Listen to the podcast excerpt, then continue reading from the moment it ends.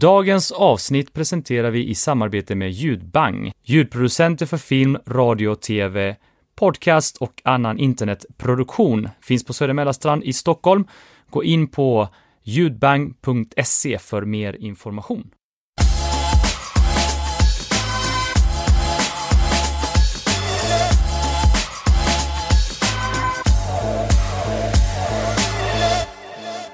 Välkomna till Sweaty Business med mig Norberto Lacorte. Och Brian Vandenbrink.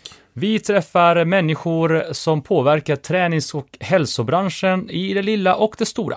Vi tar helt enkelt reda på vad är grejen. Häng, Häng med!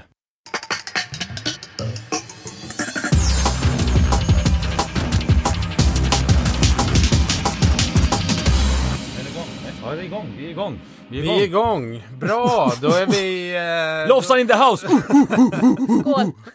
Då är vi på plats i studion och eh, vi är eh, extremt eh, hypade här och har en gäst som vi har sett fram väldigt mycket fram emot. En gäst som är PT, författare, föreläsare, hon är chef, hon driver en eh, PT-studio, Lofsangruppens studio och är numera även apputvecklare och driver två stycken, eller utvecklar två appar. Lofsangruppen och Majst. Välkommen Lovisa Lofsan Sandström! Det var den längsta intron. Vi, har haft, vi har haft ganska långa intron med, med vissa, för att många i den här branschen håller ju på med lite av varje. Men det här är ju jäkligt intressant alltså. Det är svårt att inte uppleva som spretigare så att det, det handlar ändå om att på något sätt hålla sig mot ett område. För det går ju lätt att lägga liksom fingrarna överallt om man, om man tycker det är kul att jobba. Ja, Men vänta, vänta, vänta. Vi börjar alltid med första frågan som vi alltid har till alla våra gäster. Hur gammal är du? Jag fyller 33 på söndag. Va? Du är ju bara barnet! Jesus! Inga rynkor. Ja, inga rynkor.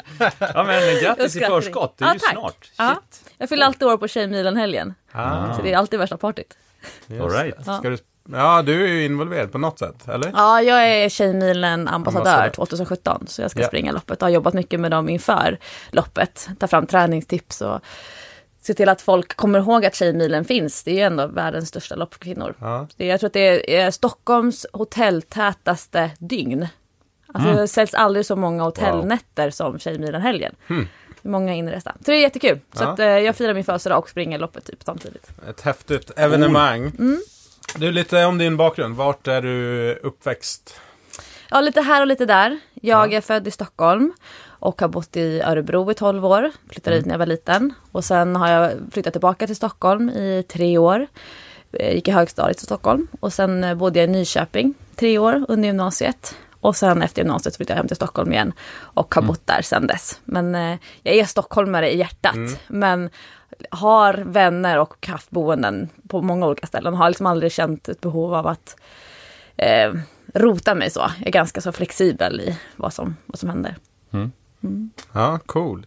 Du har ju en, eh, som i intron här så, så har du ju väldigt mycket eh, på ditt, ditt CV. Men lite så här bakgrund om man vill förstå eh, hur du har hamnat där du är idag. Hur har den här resan varit från, eh, jag vet att du är utbildad gympalärare och så vidare och så vidare. Kan du berätta lite om din bakgrund inom träning och Jag eh, gick i kanotskolan sommaren 1994 i Örebro. Och eh, i Örebro så var, är kanotsporten, eller kanot, Örebro kanotförening, en väldigt stor klubb.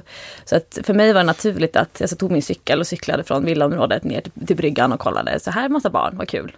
Jag gick min första tränarutbildning och det var egentligen eh, det är det som är idrotts, alltså som RF och som idrottsförbunden är så duktiga på, det är ju att fånga upp unga ledare. Alltså att man inte bara tänker att en aktiv ska vara aktiv. Utan jag har alltid känt att, att de, de vuxna och organisationerna satsat på mig. Så jag tror att jag gick i sjuan när jag gick min första tränarutbildning. Så steg ett kallas det för. Och eh, att få åka iväg en helg, bo på konferenshotell och få fika. Så jag kommer ihåg att de fick Loka. Ja, bubbelvatten i flaska. Så här, och sitta och anteckna på man block. då? Vänta, och- hur gammal är man då? Sjuan. Man, 13? ja, Typ, ish. Någonting, va? Ja. det var ju liksom jättehäftigt. Alltså det var, det var ju så stort. Jag har fortfarande kvar allt det kursmaterialet. Och Fan, du, du är nostalgisk också. Ja, ja, ja. Alltså det står till och med nostalgi på de flyttkartongerna. Och alla de här flyttarna som jag har gjort år, varje år, Ja. typ de senaste, senaste 20 åren. Så, och senast nu min man sa, "Ja, men Lovisa, de här nostalgilådorna. Bara! Tänk att jag någon gång ska göra något av det. Men jag har alltid, alltid tyckt att det var kul, mycket. Ja. Inte bara en grej, det ska hända mycket. Eh, lära mig mycket, testa mycket. Alltså det att det ska liksom eh, trycka in mycket popcorn i munnen liksom. Att man vill så känna allt på en gång. Ja. Så det är den vägen in i, i, tränar, eh, i tränarrollen. Det har jag kommit från, från. Kanotförbundet. Eh, och sen när jag gick på kanotgymnasiet. Det är ju egentligen tänkt som en elitkarriär. Att kunna kombinera gymnasiestudier Ja, med att man får bo inackorderad på internat. Man får jättefint anpassad studiegång. Kan träna hur mycket som helst. Inte behöva pendla 90 minuter. Nej, utan man cyklar liksom ner till kanotstadion. Ehm, och då får man ju också en tränarutbildning parallellt och läser jättemycket specialidrott. Mm. Men då trodde jag och tänkte att jag nog kanske skulle bli sjukgymnast. Alltså det här var ju 2002, 2001, 2002. Mm. Och det tränar... eh, Det fanns ju inte så många olika typer av tränarroller. Nej. Ehm, Jag såg framför mig att jag kanske skulle jobba som sjukgymnast kopplat till något form av landslag. Eh, Att eh, liksom åka runt på turneringar och liknande. Men sen så tog jag studenten och blev helt lost. Slutade med paddlingen för att jag fick en skada. Mm. Och hamnade på juristlinjen. Just Jaha. det. Alltså, Helt naturligt. Det är men helt typ, naturligt. Du skulle stämma någon som hade orsakat din skada. det, ja, nej, det är min pappa. Okej. Det är min pappa som är juristen. Det är Och min moster och min kusin. är- Så Men då så upptäckte jag att jag tyckte att det var roligare att vara i Frescatihallen och träna Mm. än att hänga med lagväskan i biblioteket. Så då kände jag typ efter ja, en halv termin eller någonting, jag bara, nej det här går inte. Jag vill ju bara gå i träningskläder hela dagarna. Ja, hur funkar det på juristlinjen? Jag ser framför mig just den tidsåldern, mycket svart och grått, Filippa K. Det stuket. Ja, på- och champagne hette ju gillar- butiken Champagne. som ja, handlade ja, ja, just det. Ja, Men eh, du kände dig inte bekväm eller hemma i den eh, jurist, juristvärlden, eller?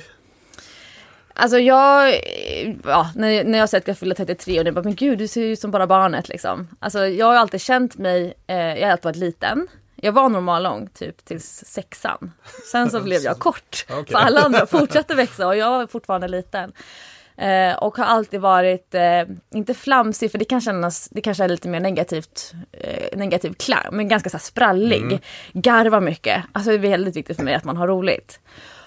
Och har jag väldigt svårt för när människor tar sig själva på väldigt stort allvar. Vilket gör att när de eh, till exempel eh, man går in i en roll. Nu ska jag gå på juristlinjen. Så då kan man lägga till sig med en hel lista med attribut. Man har ju liksom googlat Legally Blonde här och kollat liksom vad det är som krävs. Jo men det är inte så att du bara ska köpa en lagbok för 1200 kronor. Du ska köpa en väska som den här lagboken ska ligga i. Som en speciell lagboksväska. Det är högklackade skor, det är tajta byxor, det är blus. Alltså att jag skulle ha en blus på mig det är liksom Ja men precis, möta upp samhällsnormen av, av vad Ja. det innebär att vara jurist eller advokat. Och när jag ville hoppa av där, mina föräldrar var ju såklart, de var jätteglada över att jag Hade valt Ja men direkt efter gymnasiet, jag kom in på både sjukgymnastprogrammet och juristprogrammet och valde juristprogrammet. Och de sa så här, men Lovisa du kan ju vara normbrytande, det kan vara du som ändrar kulturen. Så här. Och jag bara, äh fy fan jag tänker inte offra mig. men då hoppade jag av, började jobba extra, eller jobba heltid till, först extra men sen heltid på, i snabbmats, eh, snabbmatsrestauranger. Eh, och eh, tänkte så här, nej men du det här, jag måste liksom starta om mig själv, jag måste liksom hitta, hur vill jag ha det, ganska vilsen. Och då hörde jag radioreklam för, det här var faktiskt, jag stod vid stekbordet på Burger King och gjorde hamburgare. Jag kommer fortfarande ihåg hur man gör en Whopper. Men då eh, så kommer jag ihåg att de gjorde reklam för att de skulle öppna ett nytt Nautilus. Mm. Eh, I Sjöstadshallen, i Hammarby sjöstad. Mm. Och eh, att man kunde köpa köpa årskort nu, betala sen, bla bla bla, någon sån här deal. Jag bara, ska man öppna ett nytt gym? De kanske behöver personal. Så då hörde jag av mig till dem och eh, berättade om min bakgrund och så. Och på den här tiden så var ju, ja då hette det Nautilus, idag heter det ju Actic. Mm. Men de hade inga PTS, de hade bara Nautilus-instruktörer. Och Nautilus-instruktörer de eh, instruerade bara i Nautilus-metoden. Och Nautilus-metoden, det, är den här snäckan. Mm. det är det som är deras symbol. Och då hade de Nautilus-maskiner som skulle då eh, hjälpa till att ändra den excentriska fasen i i, i rörelsen skulle bli tyngre. Det var ju det Nautilus-maskinerna var till Just för och så. Ah. Så, när, så då fick jag, då betalade de och höll en intern utbildning för, vi var väl kanske 10 stycken, 12 stycken, som skulle börja jobba på olika Nautilus-anläggningar, som fick en, en intern utbildning till att bli Nautilus-instruktör. Så, så på den vägen är det sen in i den privata så då lämnade jag, inte helt eh, idrottsförbundet, men, men jag, eh, jag jobbade kvar lite grann som tränare och satt i styrelsen och så vidare. Och jag är tillbaka i kanotförbundets styrelse nu och jobbar liksom på Ja, lite coolt. högre nivå. Ja, Men, men eh, har ju inte paddlat så mycket sedan dess Nej. på det sättet. du har annat att syssla med just nu. Ja, absolut. kan man lugnt säga. Träna massa annat. Ja. Ja men cool. Ehm, har du någon eh, träningsfilosofi? Eller filosofi generellt kring hälsa och så som du lever efter själv eller som du tycker är bra? Ja, ehm, en del kallar det så för Lofsan style. Och då, apropå att ta sig själv på väldigt stor allvar, det har jag lite svårt för. Med att, att, eh, att, trä, att jobba i koncept och så. Men jag tror ju mycket på att, eh, att veta var man befinner sig i en pyramid. Alltså, jag tycker att det är problematiskt att man likställer prestationsinriktad träning med, en, med träning. Träning med stort T. Medan de flesta människor kanske behöver träna eller snarare röra på sig. Ja. Vilket innebär att jag blir lite så här provocerad eller när man säger så ah, men vad är bäst? Vad är mest effektivt? Eh, alltså man fastnar i detaljer, man vill hela tiden göra det mest effektiva ur någon form av tanke att man har bestämt sig, man har definierat det. Men därför tror jag jättemycket på att jobba med kondition och styrka tillsammans. För att man säger så, ja, men vad är bäst att köra styrka först eller kondition först? Vad är bäst att ligga på åtta reps eller fem reps? Vad är bäst? Jag menar på att den målgruppen som jag jobbar mot och som jag vänder mig till och som jag vill prata till så spelar det ingen som helst roll. Alltså Nej. du kan träna väldigt mycket utan att det är viktigt. Och det gör att eh, jag fokuserar jättemycket på rörelseglädje, träningsglädje, men också mycket att man, man har klart för sig vad är syftet? Vad är det vi håller på med här? Har du sovit dåligt, då kan du inte köra samma pass som du hade tänkt eh, om du hade sovit 9-10 timmar och sovit ut och ätit en god frukost jämfört med okej jag ska bli snabbare på milen. Ja men då måste du tänka på någonting annat istället för att säga att det här är bäst. Så min träningsfilosofi handlar mycket om eh, eh, att röra på sig ord- ordentligt, mycket, stort, ta i och inte det här att det mest effektiva. Laboratoriegrejen. Mm.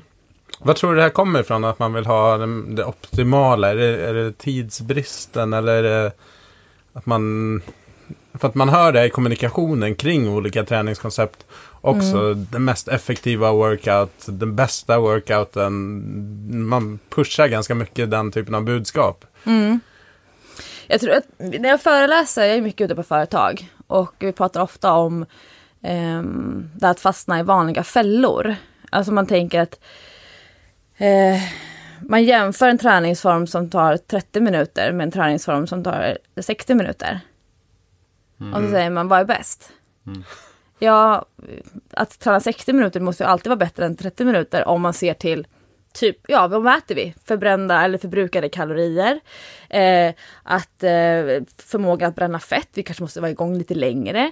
Eh, eller, ja, tränar jag 30 minuter så är det större chans att passet blir av för att jag kan åsidosätta det eller sätta fram det i kalendern. 30 minuter är vad jag kan skrapa fram. Just Så det kanske är bättre att köra 30 minuter fyra gånger i veckan än 60 minuter en gång i veckan. Då är 30 minuters passen bättre. Att man kan vända och vrida på det. För att många fastnar i att det inte blir alls.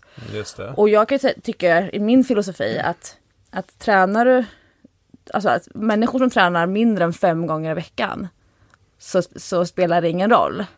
Och då handlar det om att hitta den träningsformen som du tycker är rolig. Och jag lyssnade på, nej jag lyssnade inte, jag såg ett kort klipp, jag har inte lyssnat än, men Linus Karlén, vet ni vem det är? Mm, Ja. Han är- tyngre. Jag har inte så bra koll på honom förutom att han är sjukt stor. Jag har Mm. sett honom på lite mässor och sådär, att han är liksom två meter bred. Han gick ombord på ett flygplan som, som jag satt på och jag bara, vad är det där för stor kille? Han tog upp hela mittgången. Så att, och så frågade jag min kollega, han bara, ja men är han Linus? Jag bara, Vi okej. får ta hit Linus någon gång. Ja men alltså jag, den här stolen, jag vet inte om han skulle få plats. Men han var med hos Alexander Pärleros i Framgångspodden. Ja, just det. Och då hade de ju tagit fram ett klipp från honom där, där, där Alexander då ber honom säga sitt bästa träningstips. Eh, och det är ju sån här typisk tidningsfråga, magasinfråga. Det är aldrig någonting nytt som kommer fram. Men då var han lite rolig och, och jag, det här är apropå att ta sig själv på stort allvar och det är seriös bransch och så. Men han säger att man måste hitta den träningsform man tycker är rolig. Och tycker man inte att det är kul att gå på gym, ja men då kan man väl gå på och köra crossfit istället. jag tänker så här, det är ju liksom, okej hur smala är vi nu? Ja. Ja, det är fortfarande så extremt liten promille av Sveriges befolkning som är i målgruppen för att gå på gym Ja. eller träna crossfit.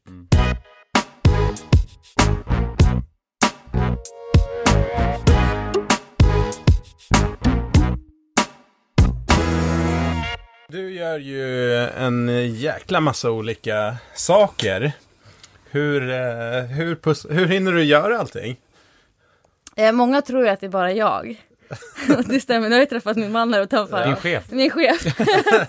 Hemma är det jag som bestämmer. Det är så? eh, men för tre, tre år sedan, nästan fyra år sedan, så bestämde vi att Hans skulle lämna sin bransch. Han har jobbat med skolutveckling i jättemånga år. Och eh, han, han gör lite grann fortfarande med skolutveckling, men det är inte där hans stora tid ligger. Så han gick in som vd i mina företag och har hjälpt till att strukturera upp allt det, att jobba jättemycket mer med digitalisering. Eh, och att ta över en, eh, ett stor, en stor del av ledaransvaret för de 30 coacher som jobbar för oss som konsulter. Så eh, det som, mycket av det som syns är ju inte jag, utan det är ju vi, det är vi ett team. Eh, om jag skulle göra alla mina bokningar själv, att förhandla priser, att eh, sätta detaljer kring föreläsningar eller alltså det skulle jag, all, jag skulle aldrig klara det. Jag har ju två små barn, jag har, alltså det, det skulle aldrig gå. Um, så mycket av min vardag, det handlar om att uh, hålla koll på alla siffror så att det funkar. Uh, att arbetsleda min närmaste tjej som är, heter Sofia som är hon är eh, dietist i grunden och beteendevetare och sen så jobbar hon som koordinator för mig. Så hon jobbar jättemycket med mejlen och ser till att allt det funkar. För vi får ungefär kanske 150 mejl om dagen.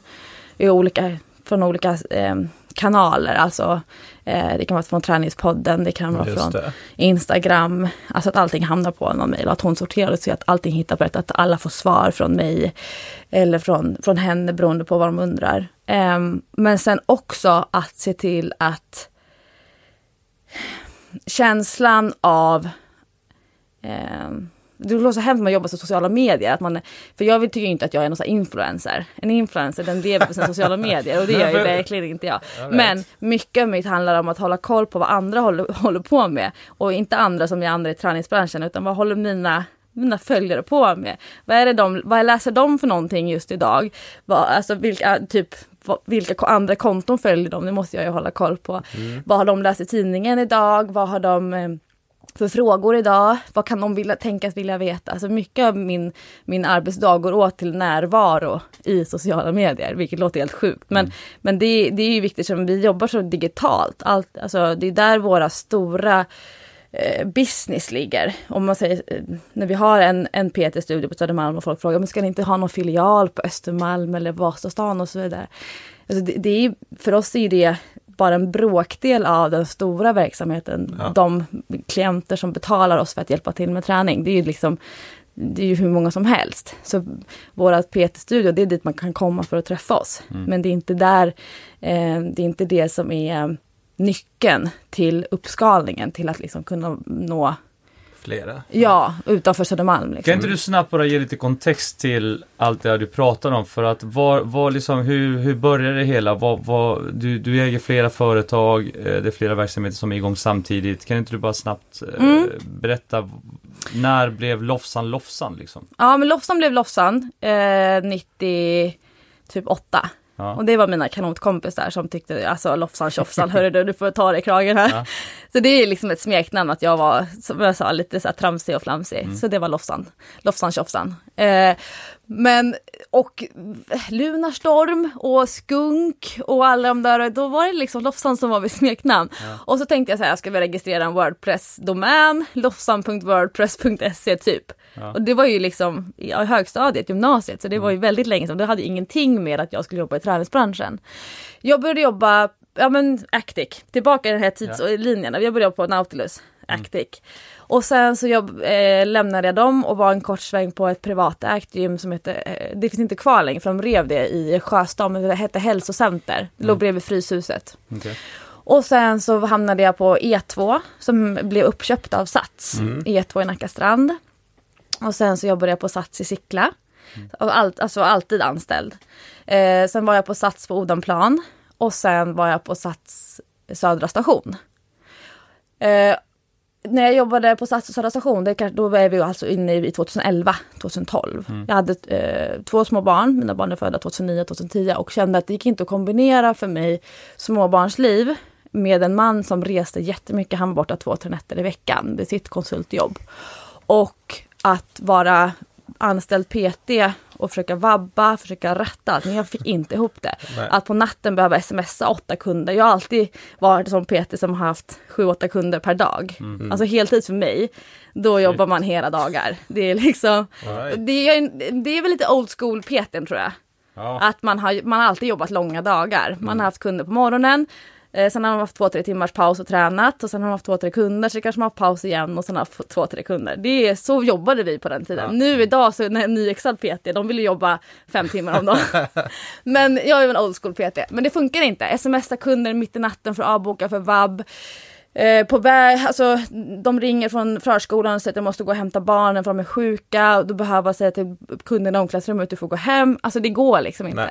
Men här har du redan börjat bygga på ditt varumärke. Du har redan en, en, en stor skara följare i, Ja. i sociala medier redan vid den här tiden. liksom. Jag började blogga 2009. Ja. Så det var det som du medvetet gjorde för att skapa ditt egna varumärke? Det kanske inte var så jäkla medvetet, men det var en kul grej Det var en som gjorde- dagbok. Okej, Från början var det en dagbok och den var stängd så det gick inte att läsa den om man inte hade länken.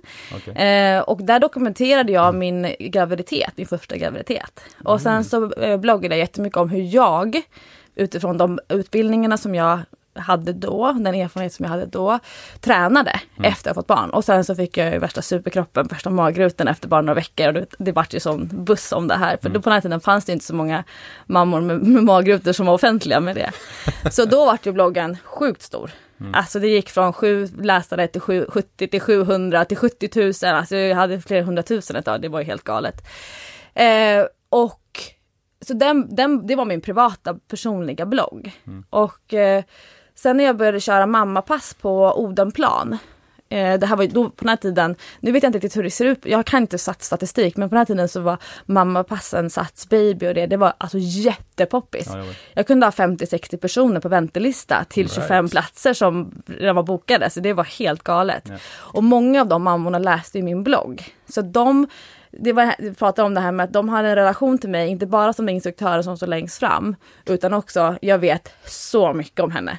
Och det gör att man får en annan typ av relation. Så de var ju så lojala, så körde jag mammapass på Thule eller var som helst, de kom alltid efter mig. De hängde på mig liksom. Så det Ja. blev lite som en följarskara och många av dem de följer ju fortfarande, de går fortfarande på mina pass. Ehm, och sen kom ju Instagram i den här vevan och då började jag instagramma lite grann. Men 2000, nej, när jag, 2012 bestämde mig för att det här går inte, småbarnsliv och PT och vara ensam hemma mycket med barnen funkar inte att jobba heltid. Så då gick jag tillbaka till en idrottslärartjänst som jag hade varit tjänstledig ifrån på gymnasiet. För jag Right. pluggade på GH. Ja just det, den, den tråden tappade vi.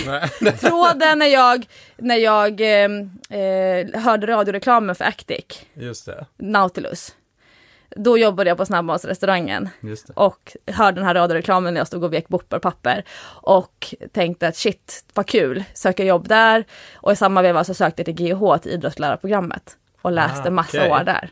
Så det jag pluggade på GH och jobbade på Sats Mm. samtidigt heltid. Alltså jag slog ihop det, mycket, mycket av Ja. livet så.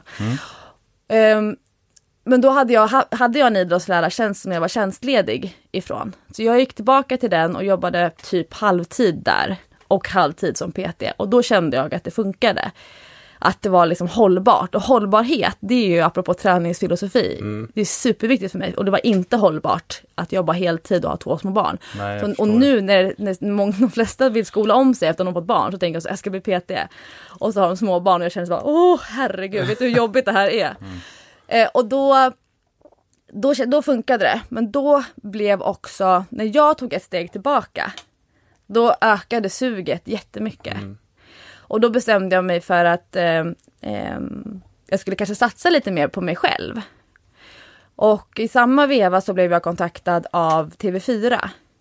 För att då hade en av deras producenter sett mina YouTube-klipp som jag hade lagt upp när jag tränade hemma. Just för att det. jag skulle förklara för mina bloggläsare hur övningarna funkade och så. Det här var ganska nytt på den här tiden, att man bäddade in Det var- det var YouTube i tidigt. blogg. Ja, men jag kollade, Ehm, kollade på de där videorna. ja. På Youtube-kanalen. Gjorde du övningarna? Ja, men jag googlade. Alltså det kan vara typ löp, över eh, hundratusen visningar på så här, det är helt sjukt egentligen. Ja, Vardagsrumsträning. Lite löpstyrkeövningar tror jag. Jag var inne och kikade vid något Ja. tillfälle. ja, men det verkligen så här, inget eh, avancerat utan Nej. Det, lite grann det här back to basic. Att, va- det är inte detaljerna som gör det utan att du inspireras till att göra det, det är det viktigaste. Men då hörde TV4 av sig till mig och sa att eh, vi tycker att du är, är jättekul och bra på, på Youtube. Vi skulle vilja att du kommer och pratar lite träning hos oss. Och eh, bokade in mig för en söndag. Och jag åkte dit och var, var ganska nervös då. Eh, direktsänd tv, eh, visa träning och så vet man att då sitter liksom hela träningsbranschen och ska här, sitta och skriva upp fel. Liksom. Såklart. Ja, men så är det alltid. Ja, ja. Så gick det väldigt bra. Och sen så sa de att eh, eh, vi, vi vill ha dig som en stående programpunkt. Så att jag tror att det var under ganska många år som jag körde varannan eller var tredje söndag. Det är ganska slitigt, man går upp jättetidigt och det är Ja. taxi och så. Eh, som jag körde, tog fram ett eget koncept som heter PT-skolan. Och just var att, att det, det har varit mycket av det som genomsyrat eh, all min sociala närvaro på alltså sociala medier. Alltså att vara generös Ja. att dela med mig att det här ska du kunna göra på riktigt. Det får inte vara för avancerat. Man ska få en förståelse för varför jobbar vi med de här övningarna? Vad är syftet? Precis som du säger Norberto. Eh, vem är målgruppen? För det är också så här när man tittar på så här, Twitter, Twitter-reaktioner eller liksom, men sitter det så här män i 50-årsåldern som bara, vad fan, varför, varför tycker hon att det där är viktigt och det spelar väl ingen roll, ja för dig kanske, men för en väldigt stor målgrupp som jag är där och ditbjuden för att prata om så är det här jätteviktigt. Så det var det som var det stora steget för mig att eh, Liksom att mitt, mitt varumärke. Och det som hände då, och det var den här svängen som jag sa upp mig från Sats, det var att Sats ville gå in och reglera min, min mediala närvaro. Det fattar man, jag var ju anställd, jag kan ju inte så right. representera Alltså det är ändå en anställd som blir inbjuden till olika ställen. Och de kan säga, men vi har en som vi vill skicka. Ja fast nu var det inte Sats-PT som de ville ha, utan det var mig. Mm, exakt. Så då kände jag att mitt varumärke hade blivit större än fördelarna av att vara anställd på Sats. Så då sa jag upp mig, startade eget, eh, såg över bloggen och tittade mer på hur den kan vara varumärkesstärkande.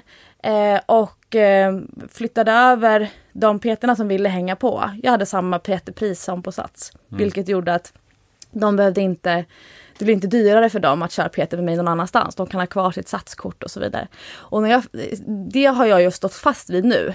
De som kommer och tränar PT med mina coacher i min studio. De betalar inte så mycket mer än vad de skulle betala på ett annat gym. Men de behöver inte bli medlemmar, de behöver inte binda upp sig på någonting. Vi är generösa, vi delar med oss. När, när någon behöver oss, då finns vi där. Men det här autogiro-grejen eller 12 månaders bindningstid och sånt, det är inte vi intresserade av. Det är inte Nej. det vi... Eh, det, är inte, det har ingenting med vår USP att göra. Alltså, vi ska vara, vi ska uppfattas som schyssta och generösa och givmilda. Så den, det steget till att idag ha ett eget PT-studio, men det har ju, jag har ju varit på andra gym och hyrt in mig med mina PT-kunder och så det är ju liksom, har ju tagit, vad blir det, sex, ja, fem, sex år, fem år nu. Mm. I september är fem år sedan jag sa upp mig. Vad härligt, då ska jag ha det- femårsjubileum nu. Ja men Och det verkligen. har ju, har ju gått fantastiskt bra. Ni vann ju eh, träningsbranschens pris då, Guldhjärtat, som bästa, bästa gym i hela Sverige. Mm, årets gym eh, nu 2016 och årets PT blev jag 2015. Wow. Jätte, ja det är ju Hur, jätteroligt. eh, hur känns det? Tycker du det är viktigt att få lite så här kvitton på att, att det går bra eller hur känner du kring så här priser? Nej men det där skriver jag ju upp på CVt och det Ja. har jag med, eller vi med när mina föreläsningar. Alltså, det, vad man tänker att man, en gång, den lokala gymmets PT ska åka till ett företag och föreläsa så blir prislappen en sak jämfört med här kommer årets PT som driver årets gym. Då kan ju prislappen bli någonting helt annat. Så att för mig, jag använder det där som min försäljnings eh, Ja, grejer liksom. Alltså, men du har ju, du har ju någonstans ett jäkla sådär grundläggande business-tänk i, i det du gör. Det, jag får i alla fall den känslan. Eh, Är det så eller har det, har det liksom vuxit med dig? Är det någonting som du har lärt dig? Eller har det alltid liksom funnits med dig någonstans? Nej men det- har nog eh, eh, Hans, min man, han som är vd-chefen. han, eh, Han som han, inte var sen och påpeka att det var han som var chef. Ja, exakt. Med kostym. Han har kommit med kostym, jag kommer alltid i träningstights. Eh, han eh, har hjälpt mig jättemycket i att hitta hållbarheten i företagandet. För jag tror att det är väldigt lätt hänt att man vill rea ut sig, att man eh, vill köra tre timmar för två, eh, att man eh, introduktionserbjudanden, nu kostar det bara si och så, men det enda man förmedlar det är att man inte har några kunder. Eh, så han har hjälpt mig jättemycket med att eh, att uppfattas som premium, att uppfattas som exklusiv, men tillgänglig. Så att alla ska få vara med. Och om man pratar om ett hållbart företagande så är, handlar ju det om inte bara att upprätthålla sitt företag, hela tiden se intäkter och kostnader. Men jag och alla i träningsbranschen i princip ha- har ju under många år jobbat med att byta ut en timme av sin tid mot en timmas intäkt. Och då, då kommer man ju aldrig kunna göra någonting mer. Alltså jag kommer ihåg när jag jobbade på Sats i Nacka strand och gamla E2. Och vi fick ett eh, obekvämlighetstillägg på eh, våra gruppträningsersättning när vi körde vattengympa. Så att, låt säga att vi tjänade, två, jag hade 210 kronor i lön för mina vanliga gruppträningspass och när jag körde vattengympa då fick jag 50 kronor extra, 260 kronor. För det var så himla kvavt, det var så himla svettigt. Right. Och, och, och jag, kom, och jag bara shit 260 kronor, jag var 50 kronor mer i timmen, det var liksom Du kör jättestort. 20 pass i veckan. Ja bara, gud ja, bara i jag var helt dehydrerad. Alltså jag, jag var tvungen att dricka Resorb. Och det var på den tiden, då körde jag 20 pass i veckan. Alltså det var ju helt, än en gång, man var, alltså den gamla skolans Ja. gruppträningsinstruktör och PT jobbade ju skitmycket. Det var ju innan det fanns så många av oss. Men eh, det, när man pratar om hållbart företagande för mig så har det också handlat om uppskalningen. För att steget från att vara eh, eh, egenföretagande PT som hyr in sig på ett gym till att idag då som jag har jag tjänar, eller inte jag, jag personen, personligen tjänar ju inte pengar på att andra jobbar. Men företagen mår väldigt bra av att andra jobbar. Alltså att vi är många som kan bidra med vår arbetskraft. Men det gör ju också att jag är jätteglad och tacksam över att kunna ge arbetsuppgifter till branschen. Om jag har 30 coacher, de är inte intresserade av att hålla på och marknadsföra sig, att uppdatera sociala medier hela tiden, att åka runt och föreläsa, eh, att eh, bara liksom obetalt arbete. De, de tycker det är skitkul att vara i gymmet, de vill jobba med online-coachning och jag kan liksom förse dem med arbete. Det är ju det som driver mig nästan allra mest nu. Alltså min egen mitt eget företagande, min egen roll som PT är inte lika viktig för mig. Det här fulfilling-grejen, den är redan klar. Jag är liksom, jag är på den nivån där jag tycker att här, nu är jag ganska nöjd med min egen kompetens och så. Nu tycker jag att det är jättekul att andra får växa i mitt företag, i mina varumärken, att de får känna att de lär sig saker, att de, att de framförallt att vara en del av ett nätverk, ett team. Vi har läkare, naprapater, sjukgymnaster, dietister. Alltså man lär sig så mycket av att ha det dagligen i sig. Vilket innebär att när vi idag jobbar mycket med digitaliserad träning, alltså eh, online-PT har ju funnits länge, men då pratar vi alltså folk som skickar ut mail, här är ditt träningsprogram. Ja. Eller ett Google Docs, man ska uppdatera båda två. Ja. Eller pdf som man skickar. Fast det är inte digitaliserat. Alltså du gör exakt samma sak. Ja. När vi idag bygger appar, som för, vår första app, Lofsangruppen, det var egentligen en jag, jag fick jättemycket frågor om kan du köra, börja med online coachning? Jag vill ha det som PT, jag bor inte i Stockholm, hur ska jag göra? Och då kände jag ett, jag kan inte ta på mig flera åtaganden. Det är inte hållbart att jag ska förutom mina åtta PT-kunder per dag ha 200-300 online-isar.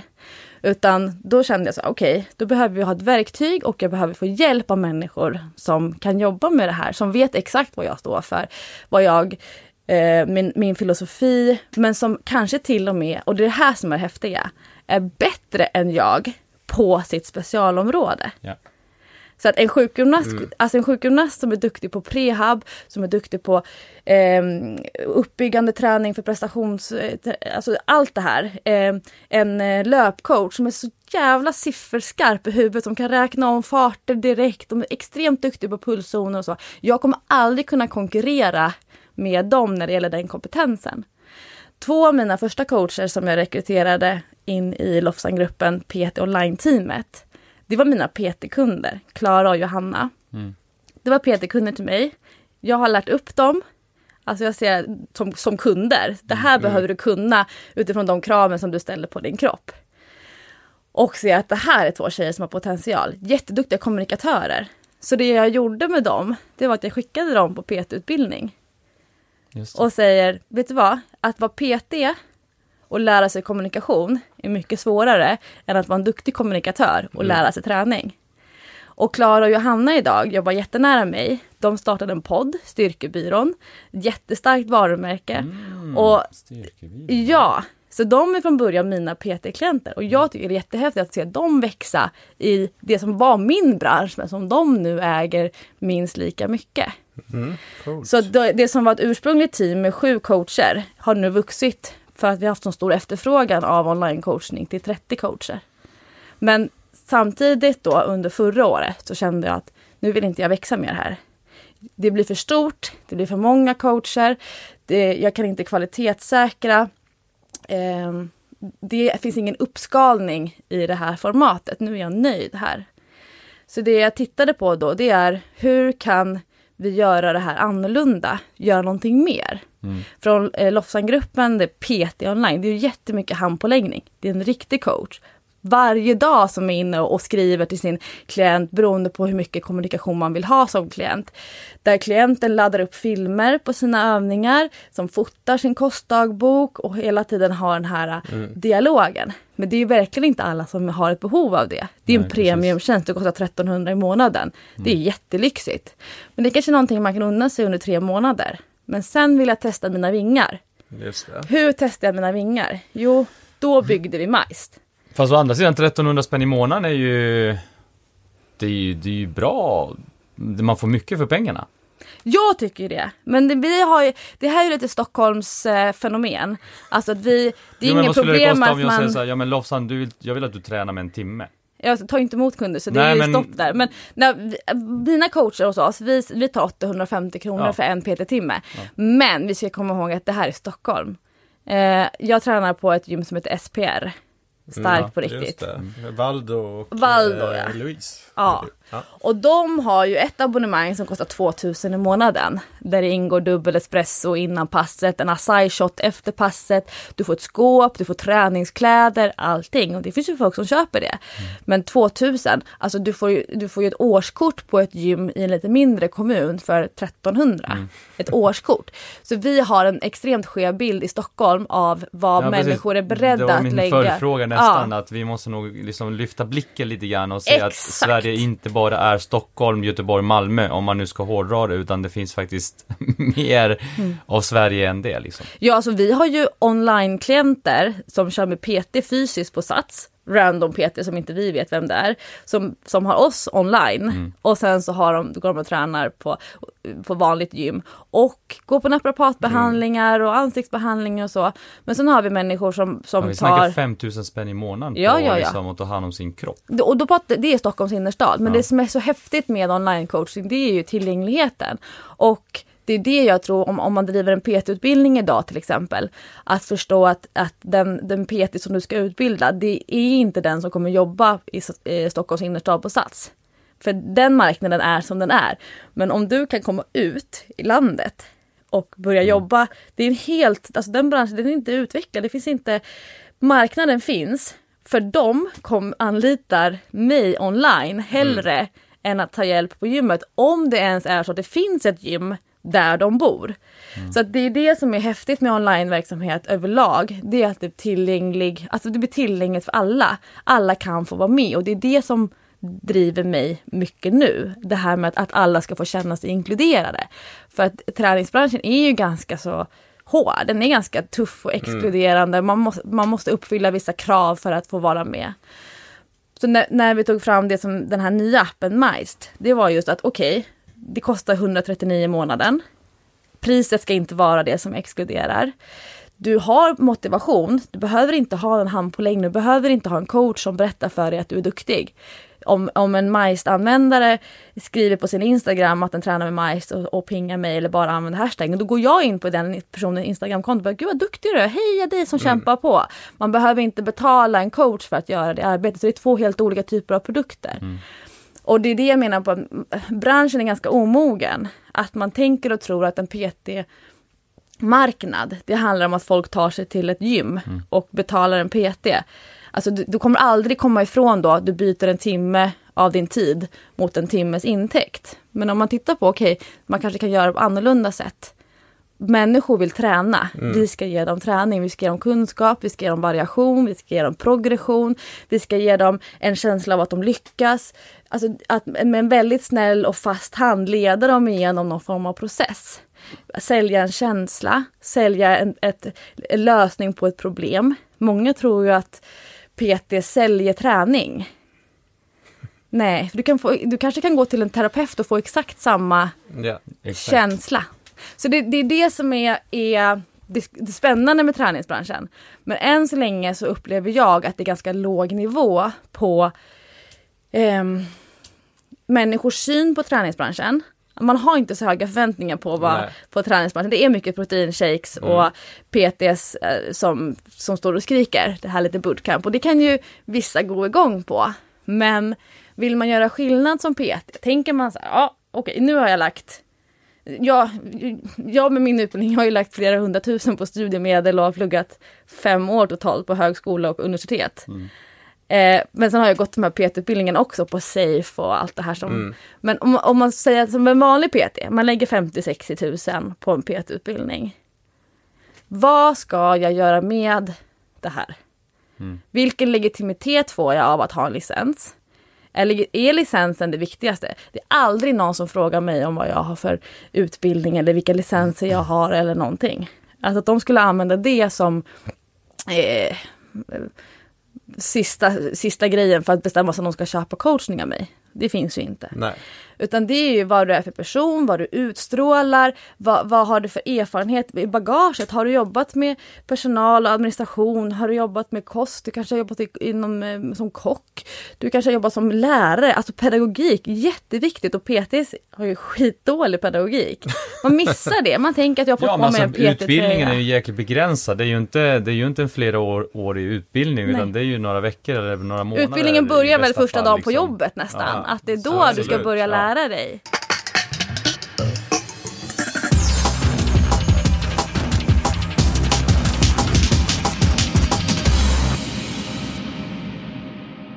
Nej men jag tänkte på det här med, med träningsappar och, eh, och kunna ta betalt för det. För det finns ju ganska mycket, det finns väldigt mycket gratis content. Du har allt ifrån ja, men Försvarsmakten, du har massa YouTubers och olika företag som skapar liksom, träningscontent. Um, vad är det som gör att man är beredd att betala 139 kronor i månaden för en tjänst eh, som, jag har inte varit inne än, så den är Nej. säkert Du fantastisk. ska få ett gratis konto. Fantastiskt bra, men det finns också mycket bra gratis, du också ha gratis content. Vad är det som gör att man faktiskt, för det är många som är inne, inne i det här och vill fundera på digital träning, online träning, hur kan vi tjäna pengar på det? Vad är det liksom som gör skillnaden att någon faktiskt är beredd att betala den där 139 kronor i månaden? Alltså för det första så tror jag att varumärket, det är jätteviktigt. Alltså att det finns ett varumärke bakom. Och det är mm. anledningen till varför många träningsappar som släpps inte håller. Det är för att det finns ingen avsändare. Det finns liksom inget sammanhang för den appen att verka i. Så det är alltså att, att finnas ett varumärke. Sen är ju, och det här är det här är lyxigaste och det är det här som är lätt att om jag pratar med ny, nyutbildade PTs eller PT som går utbildningar och så och jag säger, säger då säger de ja men det är lätt för dig att säga som har och sen så kommer det ja men 60 000 följare på Instagram. Mm. Träningspodden, vi har ungefär 130, 130 000 lyssningar per vecka. Det är klart att det är lätt för dig att säga men det är ju så att, att äga egna kanaler, att ha sina egna marknadsföringsplattformar det är det som är nyckeln. Att inte behöva köpa sponsrade inlägg på Facebook, att inte behöva köpa sponsrade inlägg på Instagram, att inte behöva köpa annonser i träningstidningar, utan att man har redan den stora räckvidden mm. i sina egna kanaler. Sen så tror jag att det är jätteviktigt att tänka, människor vill inte köpa träning. De vill köpa en lösning på ett problem. Och det är det som träningsbranschen, när jag säger att Johanna och Klara är styrkebyrån, som från början är kommunikatörer och som lär sig träning. Just jämfört det. med att kunna träning och att lära sig kommunikation. Det är mm. skitsvårt att lära sig kommunikation. Men behärskar man kommunikation, förstår man eh, de bakomliggande krafterna i när man eh, har en dialog med, med sin kundgrupp, med sin drömkund. Det är många som inte ens har funderat över hur ser min drömkund ut? Vem är det jag pratar med? Vem vänder jag mig till? För man tänker att man vill vända sig till alla. Mm. Men att våga nischa sig, att våga exkludera, att våga välja bort en massa olika typer av folk gör att du kommer hitta perfekt målgrupp för dig.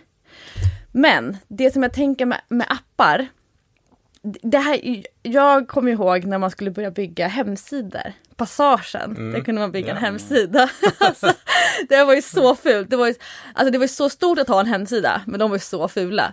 Eh, och de företagen som tog betalt för att bygga hemsidor, alltså de kunde ju ta Hur jävla mycket, mycket pengar. Och så är det ju fortfarande idag för appar. Alltså det är så pass svårt att bygga appar, vem som helst kan inte göra det. Men jag tror att om bara några år, då kommer vem som helst kunna bygga en egen app. Jag kan inte koda.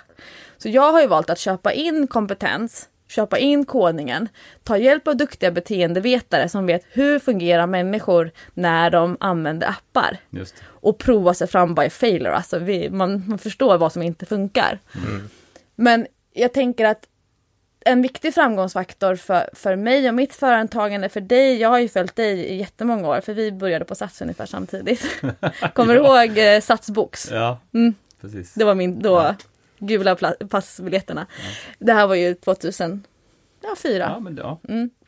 Eh, mycket, alltså fram, framgångsfaktorn om man tittar på företagandet i träningsbranschen, att, att det här för att jag tänker att, att vara länge i en bransch, det är cred. Mm. Alltså att komma in och ha varit med nio månader och berätta, så här är det. Och sen tre månader senare så är man borta. Ja. Okej, hur mycket var det värt som personen sa för tre månader sedan? Det kanske inte var så mycket värt för man stannade inte kvar. Det hållbara. Men det är att man får växa steg för steg. Alltså att för varje nytt projekt som man gör så känner man sig okej okay, nu funkar det här. Sen testar man någonting nytt. Man står, har alltid kvar en liten stabil sida också. Så för mig har det varit jätteviktigt att ha fötter på olika ställen. Jag kör fortfarande PT. Ja. Jag, kör fort, jag är fortfarande ute och föreläser. Skulle, skulle Apple och Google säga nej vi ska inte köra med appar längre, vi tar bort det. Ja men då har jag fortfarande extremt många andra affärsområden kvar. Du har spridit dina risker lite. Spridit mina mm. risker. Och det är ju utmaningen med en nyutbildad PT som, har, som tänker sig att jag ska jobba med PT online. Mm. Bara. Och mm. bygger sina pdf-er. Och sen så märker man att det funkar inte. Då har jag lagt alla mina ägg där. Jag har satsat så mycket på det. Och eh, precis som vi pratade om i Trim och deras kunder som kanske har dåligt självförtroende. Det är inte så roligt att starta sin träningskarriär med att fejla ett projekt. Och det tänker jag är jätteviktigt. Vill man utveckla appar, vill man in i en digitaliserad bransch, då är det ett helt annat yrke. En PT, alltså att jobba som PT på ett gym och att jobba som online coach, det är två helt olika yrken. Mm. Det ställer helt andra krav på formulering, på att kunna läsa mellan raderna, på att inte alltid leverera lösningar, utan att se, vad har, än en gång, folk har ett problem. Mm.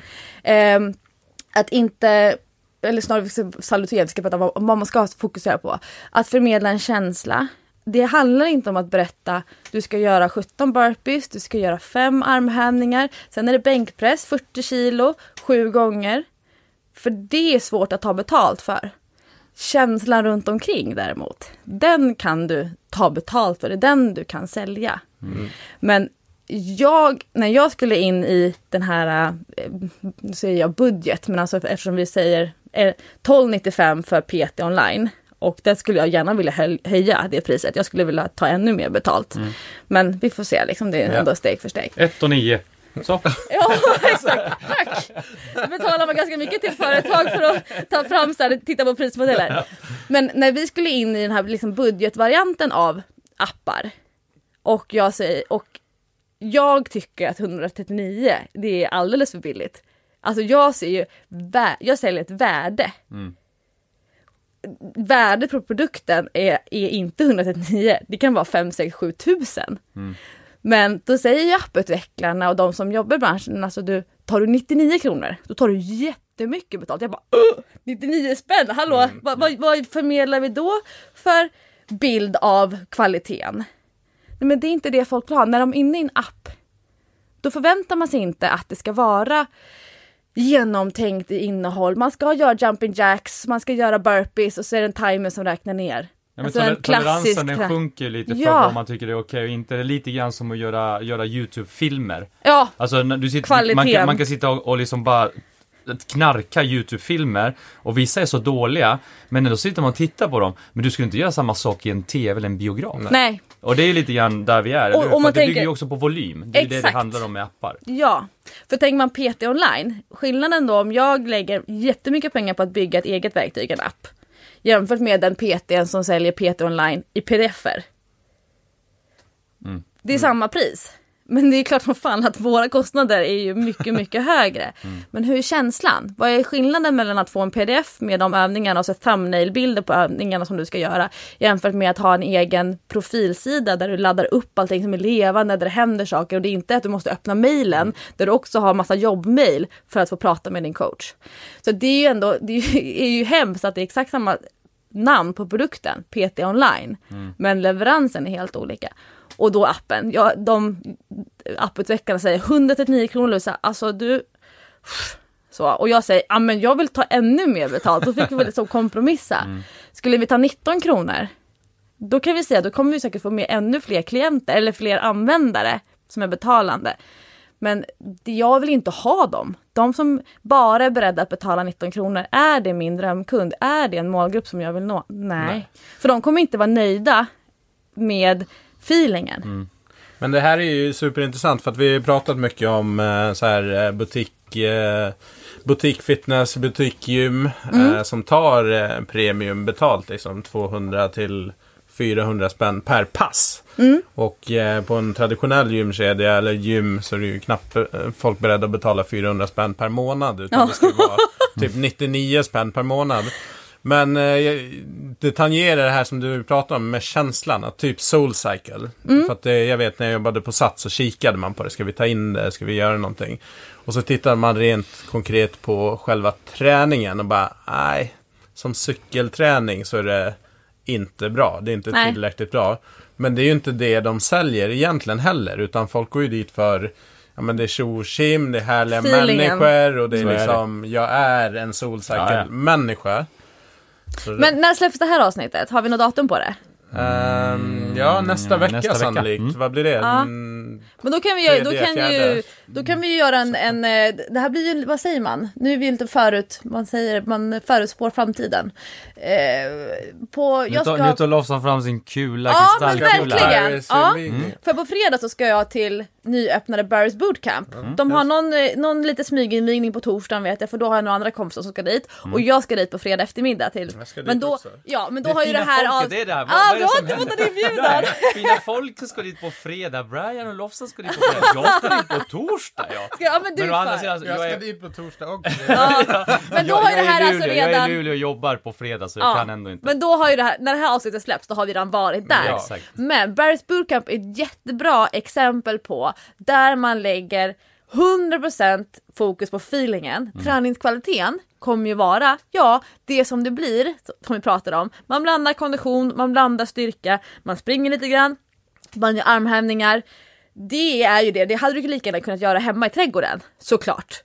Men nu tar man då ungefär 200 kronor, det är ju lite beroende på, det är också häftigt, de har inga abonnemang. Du ska Nej. köpa ditt paket med klippkort, det är skithäftigt prismodell. Och då tänker att människor kommer vilja betala för feelingen. Det är röd belysning, det är Anna Korsgren som är DJ, vi har de här Ja, eh, peterna. Ja men de är fotomodeller, de är så ja, ja. jävla rippade. Och folk det är intressant då, kommer det här amerikanska konceptet tilltala Stockholms innerstad? Kommer folk åka från kranskommunerna in till Barry's Bootcamp i centrala Stockholm? Jätteintressant, Fashionable Fit, Hanna Andersson öppnar på Berns, Berns salonger, sitt bootcamp. Hon körde på ett jättelitet gym när hon körde sina första grupper i en liten gruppträningssal och nu ska hon tänker då fylla Berns. Eh, Pisha Strindstedt öppnar sitt lilla workoutstudio i Tomteboda Tomtebovägen utanför, Sankt, hon sa ett stenkast från Sankt Eriksplan men jag vet inte fan men det ligger där vid Solna precis vid Karolinska. Så jag tyckte inte att det var stenkast men jag är lite mer Stockholms innerstadsorienterad så. Men eh, vi har Gatti Training i Årsta Ja. som öppnar sitt speciella koncept. Alltså alla de här ställena som vågar lämna den traditionella prismodellen, som vågat inte erbjuda klassiska Les Mills, klassiska gruppträningskoncept och så vidare. Det ska bli intressant att se hur det här kommer klara sig jämfört med de här stora tunga drakarna, Puls och träning, Nordic Wellness, 24 Fitness, Ja, fitness eller vad det heter. 24/7. Ja, jag säger alltid fel. Jag säger också alltid fel. Eh, 24/7 fitness. 24 ja. Ja men så tittar man på Bruce, Bruce Fitness, på Swifter, på eh, Fitness Collection. De här som Ja. försöker samla alla de här Precis. fristående studierna och göra någonting bra av det. Men där man kanske upplever att prismodellen för studierna än så länge inte är värd att offra. För man upplever att man har så pass många kunder betalande från sina egna kanaler som kommer in. Att Mm. De, så det är jätteintressant att titta på Ja, ja. vad är det som händer nu med träningsbranschen? Hur kommer medlemmarna flyttas runt? Och som Sats som redan tagit bort sin bindningstid. Jag var inne och kollade på hemsidan Ja, precis. hur det funkar med att man ska köpa är en helt kort. annan modell idag. Ja, man kan välja och vrida. Och när jag jobbade på Sats och gick deras interna säljutbildningar, jag jobbade som säljare på Sats, det är ju så härligt att ha haft, fått insyn i företaget. haft varenda ja, post. liksom. Ja. ja, gud. Men ja, har man med länge så hinner man ju med det. Men då fick ju vi lära oss eh, bemöta invändningar mot att man skulle betala för allt. Ja, men jag, har inte, jag har inga barn, varför ska jag betala för barnpassningen? Jo men det ska man liksom komma med förklaring Ja, till det. Eller ja men jag använder alla i gruppträningen, varför måste jag betala för det och så vidare. Och idag kan du då välja att plocka ur Sats sortiment det som var deras USP när, för 10-12 år sedan. De erbjuder allt, vi är kompletta. Det har de nu fått släppa för människor vill bara betala för det de ska använda. Ja, ja. Precis som att man inte vill ha bredband eller vet du, tv kanalerna att man ska liksom betala för paket för, för 14 kanaler men jag vill bara titta på de Och här tre. dessutom vanlig telefon som man kan ha i jacket Emma, det är helt Ja. jäkla galet. Ja, det var Men så det, det är det Jag som ska bli så härligt nu. Telia i ett halvår nu från alla deras tre Ja. bredband, tvn och allting. Ja. Jag får en ny faktura trots att jag sagt upp det för ett halvår sedan. Så eh, det är, ja. Men det är det som kommer bli så coolt nu att se hur kommer aktörerna reagera? Hur länge står de sig? Hur länge har de här ekonomiska tåligheten? Om vi nu ser en stagnation i antalet crossfit-boxar som öppnar och att de kanske börjar se över hur mycket kan vi lägga på våra crossfit-boxar? Kommer det vara de som istället nu ändrar inriktning mer mot eh, gymnastik, de här eh, rörlighetsinriktningarna som har blivit, kommit jättemycket från USA? Alltså vad händer och kommer Sats fortfarande ha den här stora dominansen? Hur länge orkar man hålla fresh fitness? Och, ja, men det, det ska bli jättespännande att se Ja. och jag är så skönt, jag står, jag står utanför här eftersom jag inte har något ekonomiskt intresse så jag kan liksom komma med mina, min kikare och liksom Men, men, och det här är ju otroligt intressant, för jag menar, vissa utav de här, det som vi, du, du poängterade väldigt tidigt att det- det är, och det, det är ju ingen hemlighet, det är bara det att det, det pratas inte om det. Det är det jag tycker är så jäkla konstigt att faktiskt Crossfit inte mår ekonomiskt bra i Sverige idag. Eh, det är bara någonting som inte pratas öppet om. Eh, men jag är ju vilket- utanför, jag, Nej, jag trampar på så mycket ömma crossfit-tår så att- jag och jag, och, jag, och jag har ju också eh, pushat för det, vilket har lett till massa bra saker tycker jag. Men, men eh, det, det som är intressant då det är att titta på för det är många starka varumärken som öppnar egna ställen, alltså fysiska ställen. Eller så hyr de in sig någonstans. Så det startar liksom fysiska platser att möta människorna på och träna dem. Så frågan är, kommer det där i sig bli ekonomiskt gångbart? Kommer det bli ekonomiskt hållbart? Eller kommer det att se till att stärka communityn de redan har, göra den ännu starkare, ännu större och sen kommer det kanske utvecklas till någonting annat. Så att frågan är vad, vad, det, vad syftet är, vilket kanske inte är så här, man går inte, jag tror inte många går in och säger så här, ja nej men det här, det här är bara för att stärka mitt varumärke, vet du, jag har någonting annat på, på lur här, här borta, utan det, det, kommer ju bli spännande att se hur det utvecklar sig. Men alltså jag tycker att det är lite fjantigt att folk är så himla hemliga. Ja, alltså att man inte ja. är ärlig. Jag tänker precis som så här moderat grejer nu när Anna avgår. Alltså det finns ju typ 12 personer som bara sitter hemma och så här. Bara, ja, alltså ja, ja. snälla fråga mig. Men och så alltså, är det en gubbe som går ut och men det säger är ju det, tänk, ja men det, och det är det som är grejen. Förstå vilket lobbyarbete du skulle gratis kunna sätta igång. Om du räcker upp handen och säger jag vill, jag kan det här och det här och det här, jag har den här erfarenheten. Och Alltså du vet, Sverige är så litet, det räcker med att Expressen, Aftonbladet, DN och Svenska Dagbladet kör de sin raid, då kan de ju fälla eller fria vad som helst med sina verktyg för att vi är lilla Sverige. Så vi- de, alltså, man skulle ju i princip kunna välja sig själv om man är en sån där moderat profil. Och det är lite grann samma sak med träningsbranschen. Har man gott självförtroende, jag har alltid stått väldigt långt fram, jag har alltid sagt jag har jättehöga ambitioner, jag vill, jag vill åstadkomma saker. Och som om du, och du, du berättade så här, men vi frågar, vi berättar att vi ska träffa den här personen, har- kan den någonting om träning? Ja men alltså det säger ju mer om den personen att Ja, den inte har absolut. omvärldsbevakningen. Absolut. Mm, fast Och det är väldigt många som extremt inte dåliga har på inom träningsbranschen. Det är så dåligt. Ja men när du, när du jobbade på Satsbrand, Ja. Alltså jag hade koll på dig redan då, jag bara det där är en skarp kille. Han kommer, ja Sådär, men det, alltså. nej men det, men det ser man. Ja, och ja. om, om, att man då Tack. Ja, men det, och det är det som är så intressant. Mm. Mycket av den eh, framgången som man kan få i Sverige kan man ju få bara av att man är jävligt bra, man är en bra person, man är skön att hänga med, man har ett fint nätverk, Mm. man, man ger en positiv känsla, andra människor känner sig peppade och stärkta i det här communityt, i det här sammanhanget. Du kan komma jättelångt på att vara duktig. Alla kan lyckas i Sverige. Du kan gå till Almi, du, företagspartner, du kan gå till en inkubator, du kan gå till Sats, du kan sälja in dig själv. Alltså kan du sälja in dig själv så kan du bli svinbra. Och det är det som är problemet då när folk går runt och klagar. Det är för låga priser på PT, eh, Sats eller World Class eller de tar för mycket betalt för Alltså de tar för mycket av min lön. Eh, PT-intäkten är 700 kronor, varför får jag bara 130?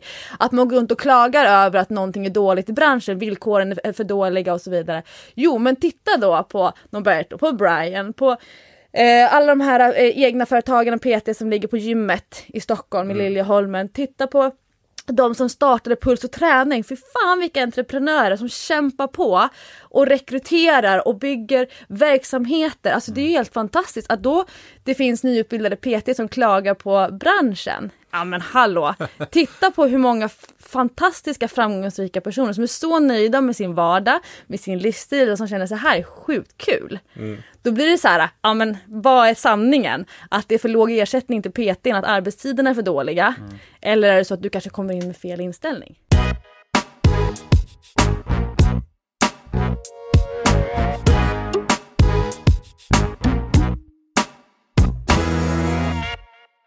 Kvinnor, tjejer är ju en, en, det är väl din målgrupp antar jag. Du har ju pratat kring, kring målgruppen. Mm. Men eh, du har ju ett eget begrepp då, träningsfeminism. Vad handlar det om? Alltså från början så handlar det om vilken skola jag har och vilken träningsmiljö jag är uppvuxen i. Vi var inne på det här med att jag är från kanot, kanotvärlden. Eh, kanotsäsongen är ju så kort. Det är inte varmt. Det är inte tillräckligt varmt så många månader per år. Just vilket det. gör att man måste hitta väldigt mycket ersättningsträning. Vi åker jättemycket längdskidor, vi spelar mycket innebandy, vi springer mycket, vi blir ju jätteallsidigt tränan, tränade. Alltså tittar man på kanotisterna idag som är med i SOK, eh, både topp och talang och i liksom de här, de är ju, har deras krav profiler, deras testresultat är helt fantastiska på både styrka och kondition. Ja, precis som många simmare. Alltså man blir jävligt allround. Ja. Men vi höll också då på med styrkegympa. Eh, och nu låter det så här, det stod verkligen styrkegympa på träningsprogrammet Ja. på den här pdfen. Men Eh, det var ju det som många ögon då i crossfit idag. Det är medicinbollar, Ah. det är chins, det är pull-ups, alltså vi är tio år och gör chins. Det är helt naturligt i den typen av kontext. Just det. Eh, att tjejerna, alltså en, en kanottjej som är 10-11 år och har bra gener för att få stora biceps, alltså man blir sjukt stark för att man, man, och än en gång, man tränar med olympier, man tränar med världens bästa idrottare. Det har alltid fostrat mig, det har alltid gjort att jag har, jag har aldrig känt att, att jag är stark för att vara tjej. Jag har alltid varit stark. Jag har kunnat göra 30 chins. Liksom. Det, det är coolt. Det, och det kan, det är, de flesta killar kan ju inte göra 30 chins. Så det, jag är inte stark för att vara tjej. Ja. Eh, det gjorde att när jag lämnade kanotvärlden och skulle in i den kommersiella träningsbranschen så upp, märkte jag att jag passar ju inte in i det här. Apropå ideal, alltså att Jessica Almenäs och jag har helt olika ideal. Tränar för att få snygg-grejen. Eh, vad är att vara snygg? Eh, att ha en bred rygg som tjej. Jag är typ bredare än vad jag är lång. Alltså typ som en box. Och jag tycker att det är jättecoolt, jag tycker att det är snyggt. Ehm, och därför blev det så tudelat för mig när jag möter en målgrupp. Eller snarare inte målgrupp, men, men en, ehm, en grupp med kvinnor som har en helt annan bild av hur de tror att de förväntas träna. Om du är tjej så ska du inte träna för att få bred midja. Till exempel, de här magövningarna ska du välja för att, för att inte bygga för mycket bredd. Just det. Och jag bara, men hallå, hur kan, det, alltså då är det på riktigt kvinnliga PTs som ger de programmen. Medan jag vet att ju bredare midja, ju mera muskler kring bålen, desto starkare kommer du bli. Och att det är få svenska kvinnor som har för mycket muskler kring Nej, bålen. verkligen. Alltså då, då blev det så, så tydligt för mig att kvinnliga svenska PTs och manliga, men de, har inte, jag de är inte jag så intresserad av. Men, men de, vi som har samma målgrupp, att man ofta speglas. Man, man vänder sig till en målgrupp som är ungefär likadan som en själv. Ja. Kvinnor 30, ja så. Men då insåg jag att de här träningsråden ger du till den här personen bara för att den är kvinna. Inte för att det kvinnliga könet innebär att ja, du har- mindre muskelmassa på överkroppen. Du kanske inte klarar av samma typ av belastning i styrketräning. Men å andra sidan är du mer uthållig. Vi kan ju se att det finns en hel del biologiska skillnader på kvinnokroppen versus manskroppen för att vi har med östrogen och testosteron att göra. Det är ju en sak. Men när man ger träningsprogram och träningsråd till en kvinna för att hon ska uppfylla ett kvinnligt ideal. Man ska bygga bredd över axlarna för att midjan ska se smalare ut. Man ska bygga lår och rumpa för att midjan ska se smalare ut och så vidare. Men som berättar för kvinnor på gymmet hur de ska och inte ska träna bara för att de är kvinnor. Träningsfeminism handlar om att du inte ska behöva välja träningsprogram eller utföra träningspass eller träna på ett sådant sätt som du ska bara förväntas för att du är kvinna. Alltså att alla människor, och det är det här som är liksom där feminismens komplexa. Män ska ju också få välja att träna precis som de vill och inte bara för att bli större. Och kvinnor ska träna för att bli mindre. Utan att alla ska få välja att träna utifrån sina egna ideal. Det är det träningsfeminismen bottnar i. Sen är det så roligt för nu har det blivit så att folk har ju liksom tagit sig an, det här har blivit en form av allmänt begrepp. Ja, det har det ju- verkligen blivit. det, och det är jättehäftigt. Men för mig handlar det som i grunden om att du ska inte träna för att fylla någon annans ideal på grund av ditt kön. Sen kan vi säga träna annorlunda för att du har fått barn. Träna annorlunda för att du är gravid. Träna annorlunda för att du kanske har större risk för, ja men just det här med eh, eh, muskelmassa och så vidare. Du kanske måste, tjejer tränar massa underkropp hela tiden. Tränar aldrig överkropp. Män tränar bara överkropp och all, aldrig underkropp. Det är ju alltså, det är såna här grejer. Men just att det, vi måste mer se till det här är så intressant, när jag pluggade på GH, vi läste jättemycket genusteori och så vidare. När man ställer upp alla flickor i en klass på rad och så ställer man upp alla pojkar i en klass på rad. Då kommer det vara så att skillnaden mellan den bästa flickan på springa eller styrka eller någonting och den sämsta tjejen, den spridningen är mycket större än mellan medeltjejen och medelkillen. Just det. Just det. Alltså spridningen inom könen är mycket större än vad det är mellan könen. Ja. Det ska man alltid komma ihåg. Men jag blir tokig på att män förväntas träna för att bli större och kvinnor förväntas träna för att bli mindre. För att träna sig till att bli mindre, skittråkigt och jättesvårt. Ja. Det är inte roligt om alla tjejer kan få träna för att bli större. Mm. Och män, alltså jag vet, det är, det är det det bottnar i, att man ska få välja Ja, men själv. det är bra. I ert senaste poddavsnitt som jag lyssnade på i helgen, du och Jessica. Du är så- inte i målgruppen för Träningspodden måste men vi jag säga. vill- nej, det är jag verkligen inte. Men jag tycker inte, hålla, apropå att hålla sig uppdaterad om vad, vad det pratas om och Mm. kanske i andra... Fast det är jäkligt intressant att Ja. lyssna som man Ja, på er podd. ja vad härligt. Men då pratar ni just om, eh, för Jessica har ju precis fått barn och hon, ja, hon har ju tränat innan men hon tränar ju nu såklart efter. Det finns ju en jäkla stigmatisering kring träningshets och liksom att komma igång efter en graviditet. Och just på det här temat feminism, jag upplever det mycket som att det är kvinnor som klagar på andra kvinnor som eventuellt då tränar och hetsar. Jag ser inte så mycket att men jag tänker inte den tanken att, ja men ska hon verkligen träna? Nu är jag i och för sig i träningsbranschen har lite mer kunskap kanske än gemene man. Men jag upplever det som att det är mycket kvinnor som är på kvinnor. Och tjafsar och eh, lägger på sina egna, egna värderingar. Är det, delar du den uppfattningen? ja, gud. Och vad är grejen med det? Att tjejer tjafsar med andra tjejer om Ah. vad de tycker och tänker om vad man borde och inte borde göra. För Jessica skrev ju också att hon hade lagt ut en post om att hon har varit och tränat. Men hon hade också lagt in någon slags brasklapp där liksom för att ursäkta sig varför hon tränade för att tona ner liksom eventuell träningshets. En reservation Ja. liksom. Jag, jag, mina två killar, de, det är 14 månader mellan dem, så de är ju som tvillingar. De är ju lika stora och likadana och de är jättegulliga så. Men den lilla killen, han är väldigt så här, polisig, sex år gammal och ska hålla koll på alla. Och ska hålla koll på storebror. Och då så eh, kan ju det bli lite mycket ibland. Så, så att jag säger, jag har gjort som ett lite så här hemligt tecken. Så att han, jag ska slippa liksom dels hänga ut honom framför andra barn till exempel. Eller i ett annat sammanhang. Så jag kan säga så här. Och då säger han, sköt mig själv. Alltså, sköt dig själv. Ja. Lägg dig inte i vad andra håller på med. Hur mycket energi kan man lägga på någon annans människas liv? Du får inte betalt för det. Du får ingen cred för det. Du, det, det finns ingen välmening i att, alltså, du, du vet ingenting om den här personen som du uttalar dig om eller tänker om och så vidare.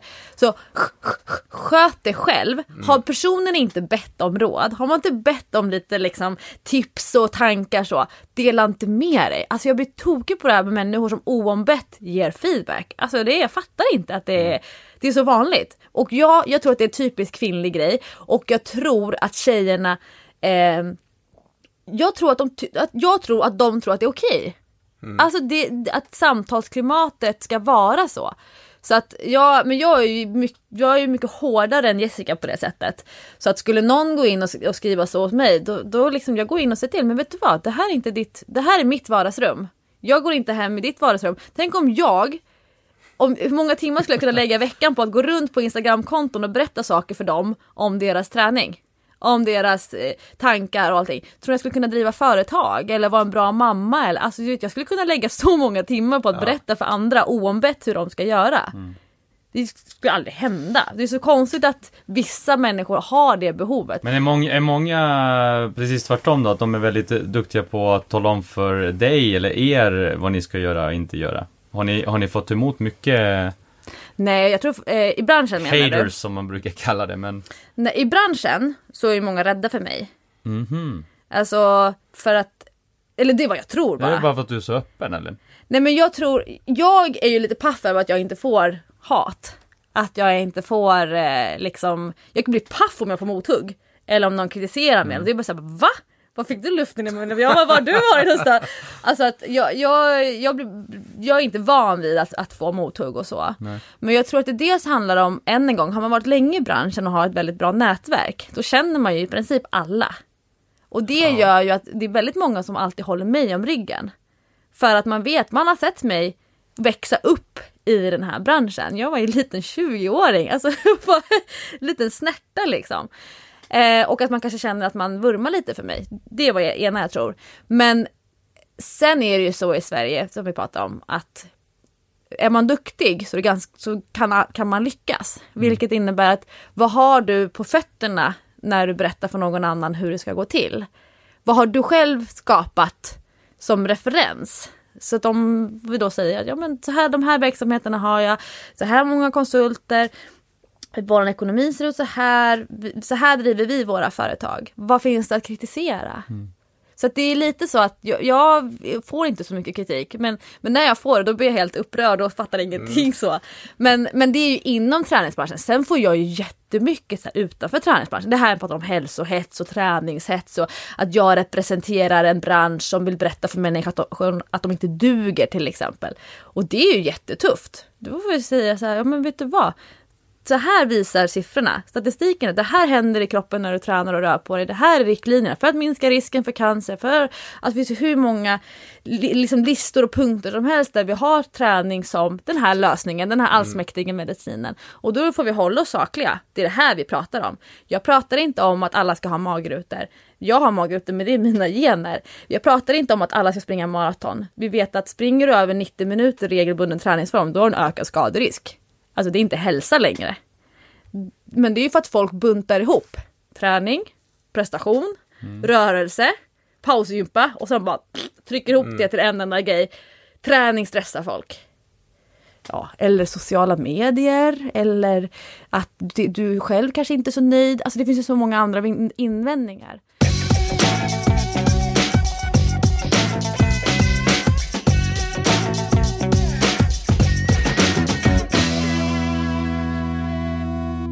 Alla som jobbar i träningsbranschen som med, med träning får ju extremt mycket frågor i sociala sammanhang, middagar och liknande så blir det ju inte helt sällan instyrt på träningsfrågor. Jag har problem med det här. Vad är den vanligaste frågan som du, som du får utav människor som mejlar eller kontaktar dig på ett eller annat sätt?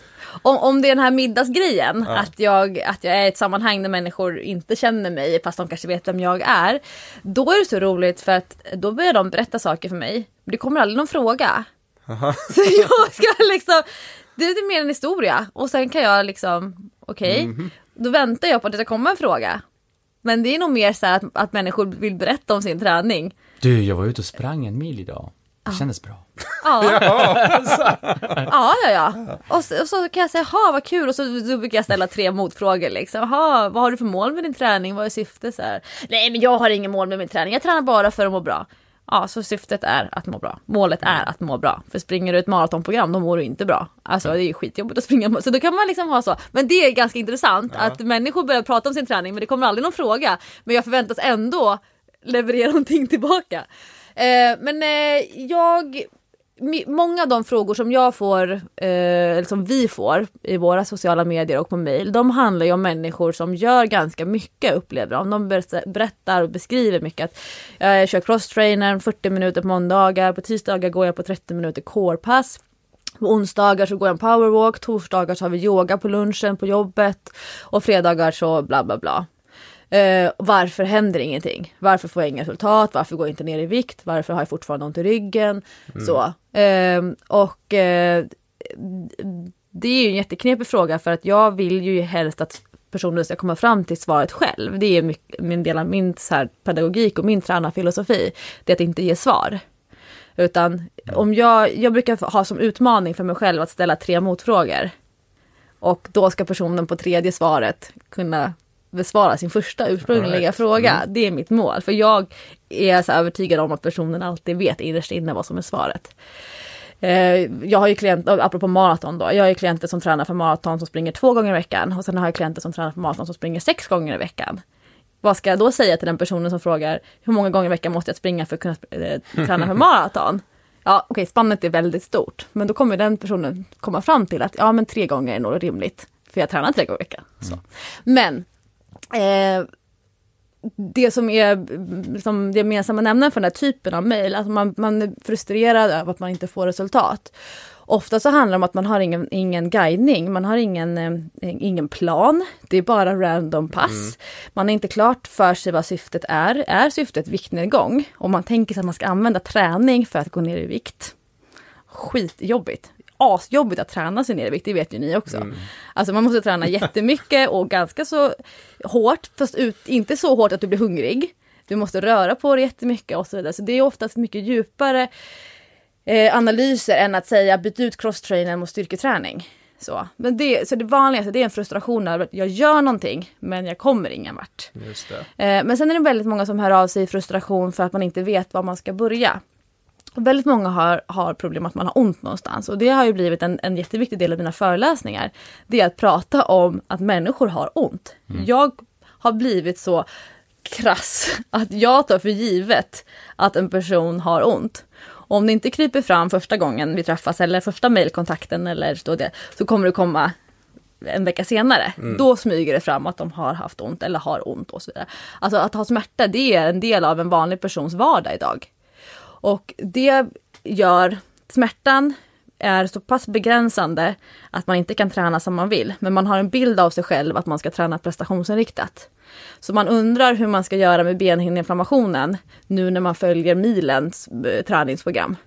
Man undrar hur man ska göra med knät som man har ont i nu när jag håller på att träna för ett triathlon.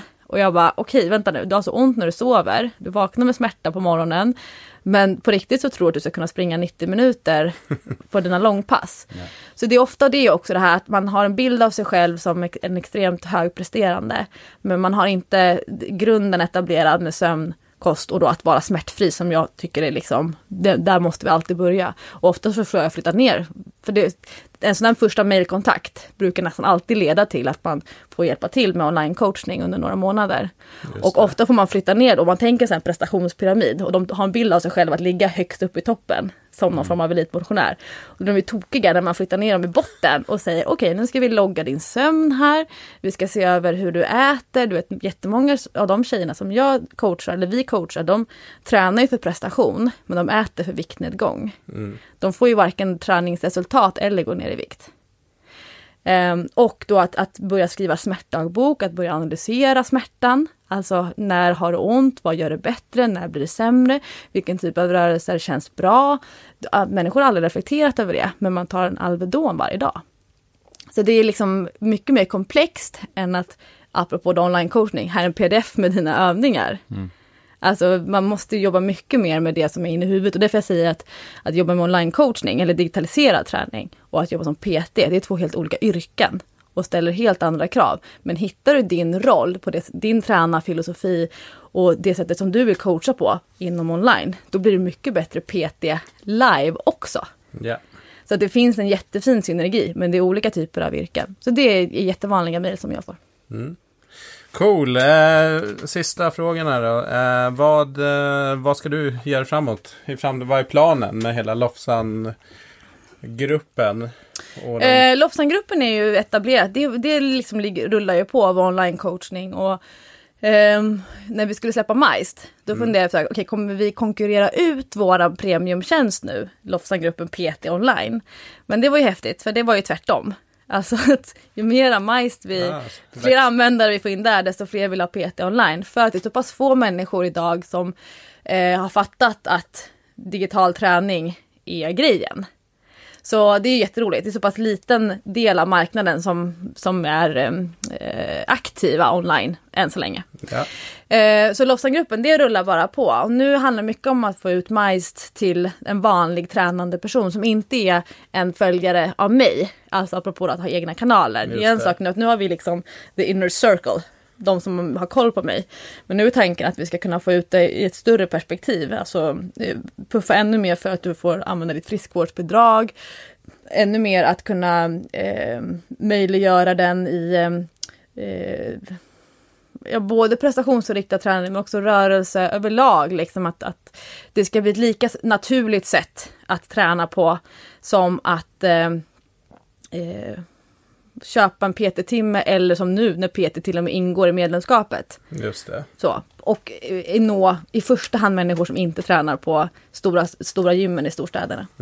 Men eh, sen har ju vi jättemycket träningsresor. Och det är ju också häftigt, apropå crossfit då. Ja. Så här, när kommer träningsresorna stagnera? När slutar folk... Eh, fort, alltså när, äh, när slutar det öka?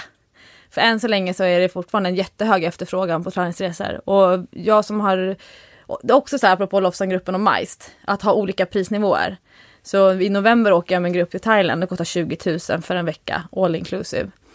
Men en träningshelg eller ett dygn fredag till lördag på ett, ett spahotell i västra Sverige 1200 kronor. Mm. Alltså att alla ska få vara med. Det är någonting man kan önska sig i födelsedagspresent av sin partner. Men eh, jag har ju uppbokat alla helger fram till, eh, till a- första advent. Mm. Är jag uppbokad på typ av träningsresor och eh, sådana typer av helger.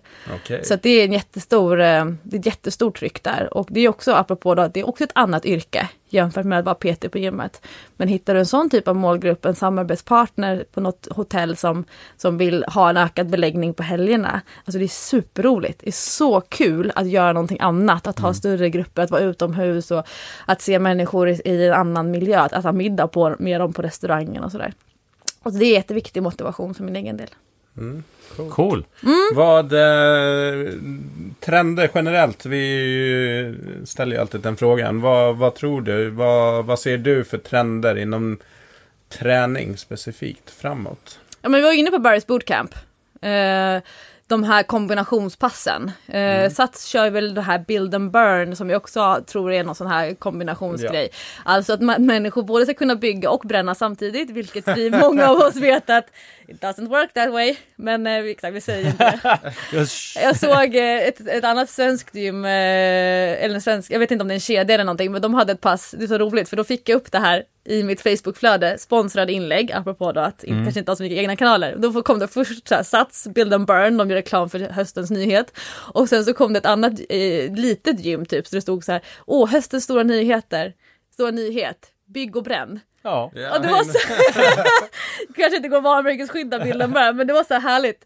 Eh, så det, det tror jag jättemycket trenden på Det är nu. ett gym i Norrland kan vi Ja, avslöja. Jaha, är det det? Det var jag var där i helgen och eh, Bygg och bränn. körde utbildning med dem och de har valt att kalla det för bygg och bränn. Ja, Ja, vi kallar det kort och gott för bygg och Ja, bränn. de har, Ja, ins- men de det har inspirerats av Sats. Jo men och det är eh, apropå som du sa det här med crossfiten. Va- Vilka, vad, vad crossfiten har gjort för träningsbranschen. Framförallt så handlar det om att den visar på att du kan bli jätte allround tränad. Så länge som du vistas i boxen många dagar i veckan och sköter en programmering. Så länge som du har en plan, långsiktig plan för din träning. Du har en, en tanke med din träning så kan du bli jättestark, jätterippad, jättevältränad, uthållig, allting så länge som du väljer att göra någonting väldigt regelbundet under lång tid. Mm.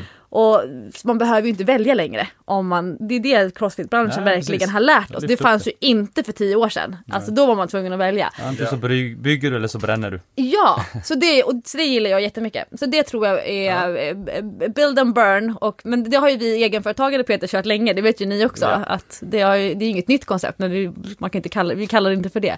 Men en annan eh, stark trend som jag tror är eh, som- ska bli intressant att följa. Nu tappade kommer jag glömma bort vad jag sa apropå Norrland. Jo, eh, gymnastik. Rörligheten, Sats har ju varit inne. Sats har ju lite så taskigt för de kämpar ju med att bygga om sina lokaler hela tiden för att tillfredsställa den Ja. stora massan då. Eh, när de renoverar sina stora flaggskeppsanläggningar och så gör de en hel gymnastikavdelning. Tyvärr är det ju aldrig något folk där. För Nej. folket vill ju gå till de riktiga gymnastikanläggningarna som bara gör det. Samma sak med deras MMA och martial arts arena. Vill folk träna riktig kampsport så går de Så till, går till en en, kampsportsklubb. Ja. Men, men gymnastiken är ju jätteintressant att följa. Och jag tror att, att det kom- mycket kommer ju en blandning från crossfiten och från kampsporten. För BJ har ju blivit väldigt trendig, brasiliansk jiu-jitsu. Och eh, det ska bli intressant att se hur gymnastiken tar ännu mer utrymme och det här animal movement som ju har varit jättestort i USA Ja. i, i flera år men har inte riktigt slagit i Sverige Lite än. idoportal Ja, bruket. Men kanske lite mindre sektinriktat så. Men, men där, man, där man inte behöver, precis som när yogan kommersialiseras, det var så intressant att lyssna på Monica Björn i Sweater Business. När hon pratar om hur kan vi kommersialisera yogan i Sverige så att det inte bara är batikbyxor. Eh, och jag tror att animal movements behöver ju poppas till så att, så att människor fattar att jag kan få en enormt stark och hållbar och funktionell kropp av den här typen av träning. För Men- har ju varit, de, återigen då, men de har ju varit inne på det ett par vändor. För de hade Gymnastica Natural, för Mm. sex, Oh, sju år sedan. länge Och sedan. sen nu har de de här Animal Movements eller vad den kallar sitt Mm. Som har varit inne och tassat på det men det är liksom aldrig lyft. Nej. Ja, är Men då ska man se- som inte har. Exakt, för att om vi då ser att det funkar på andra ställen, där vi ser att det finns vissa specialiserade PT som bara jobbar med den typen av träning och är, då är fullbokade, om vi nu har det som någon form av framgångsmätare så. Men, men jag tror ju att det är fler människor som behöver eh, röra på sig på det sättet. Eh, det, det finns ju den här grenen kommunikologi och de här som pratar om långsamma rörelser. Just Det har ju varit en gren jättelänge och de är ju alltså ganska så flummiga. Nästan som en del av psykoterapi så. Ja. Ehm, Men de har ju varit väldigt tidiga med den här principen om att nervsystemet behöver en annan typ av stimulans än att lyfta tungt. Mycket diagonala rörelser, mycket krypa, mycket fyrstående och så vidare. Så det tycker jag ska bli jättespännande att se den här gymnastikgrejen. Jag håller lite grann på med det här Animal Movements, men inte på mitt eget initiativ. Jag måste göra det med tränare. Jag måste ha någon som berättar för mig. Idag, idag Lofsan, idag ska du vara en zebra. Nej men vi går igenom hela alfabetet. Det är apan först och sen är det björnen och sen på C, vad är det då? Ja men typ. Nej men och det, det är ju ganska härligt och det är så men man måste ju gå in i rollen. Det är svårt att göra på ett lunchpass. ja. Bara in på sats och, driva, och riva av lite animal movements. Alltså måste, det är ju konceptet, alltså att, att sälja hur säljer man en träningsform? Det är det man måste jobba med. Och jag tror att eh, de här tjejerna och killarna som håller på med de här street workout, det är Malin, Jo- eh, Malin Malle Jonsson heter de va? Ja. Och eh, eh, Fanny, Fanny Josefin Josefin, mm. och alla de där duktiga tjejerna och killarna, de har ju snubbar också som är jätteduktiga. Eh, det bygger ju mycket på det, du kan inte göra den typen av träning om du inte har rörligheten. Nej. Så det är ju lite grann här att bygga grunden. Mm. Alltså, man kan träna ganska tungt och hårt många träningsformer utan att ha rörlighet. Men där kommer det ju ställa Absolut. annan utmaning. Nej men spännande. Ja. Om du eh, skulle vilja ha någon favorit eller någon gäst i Sweaty Business och prata kring eh, affärsmannaskap och träningsbransch, hälsobransch. Vem hade du velat lyssna på? Ja, men jag har ju lyssnat på nästan alla avsnitten eh, av Sweaty Business tidigare.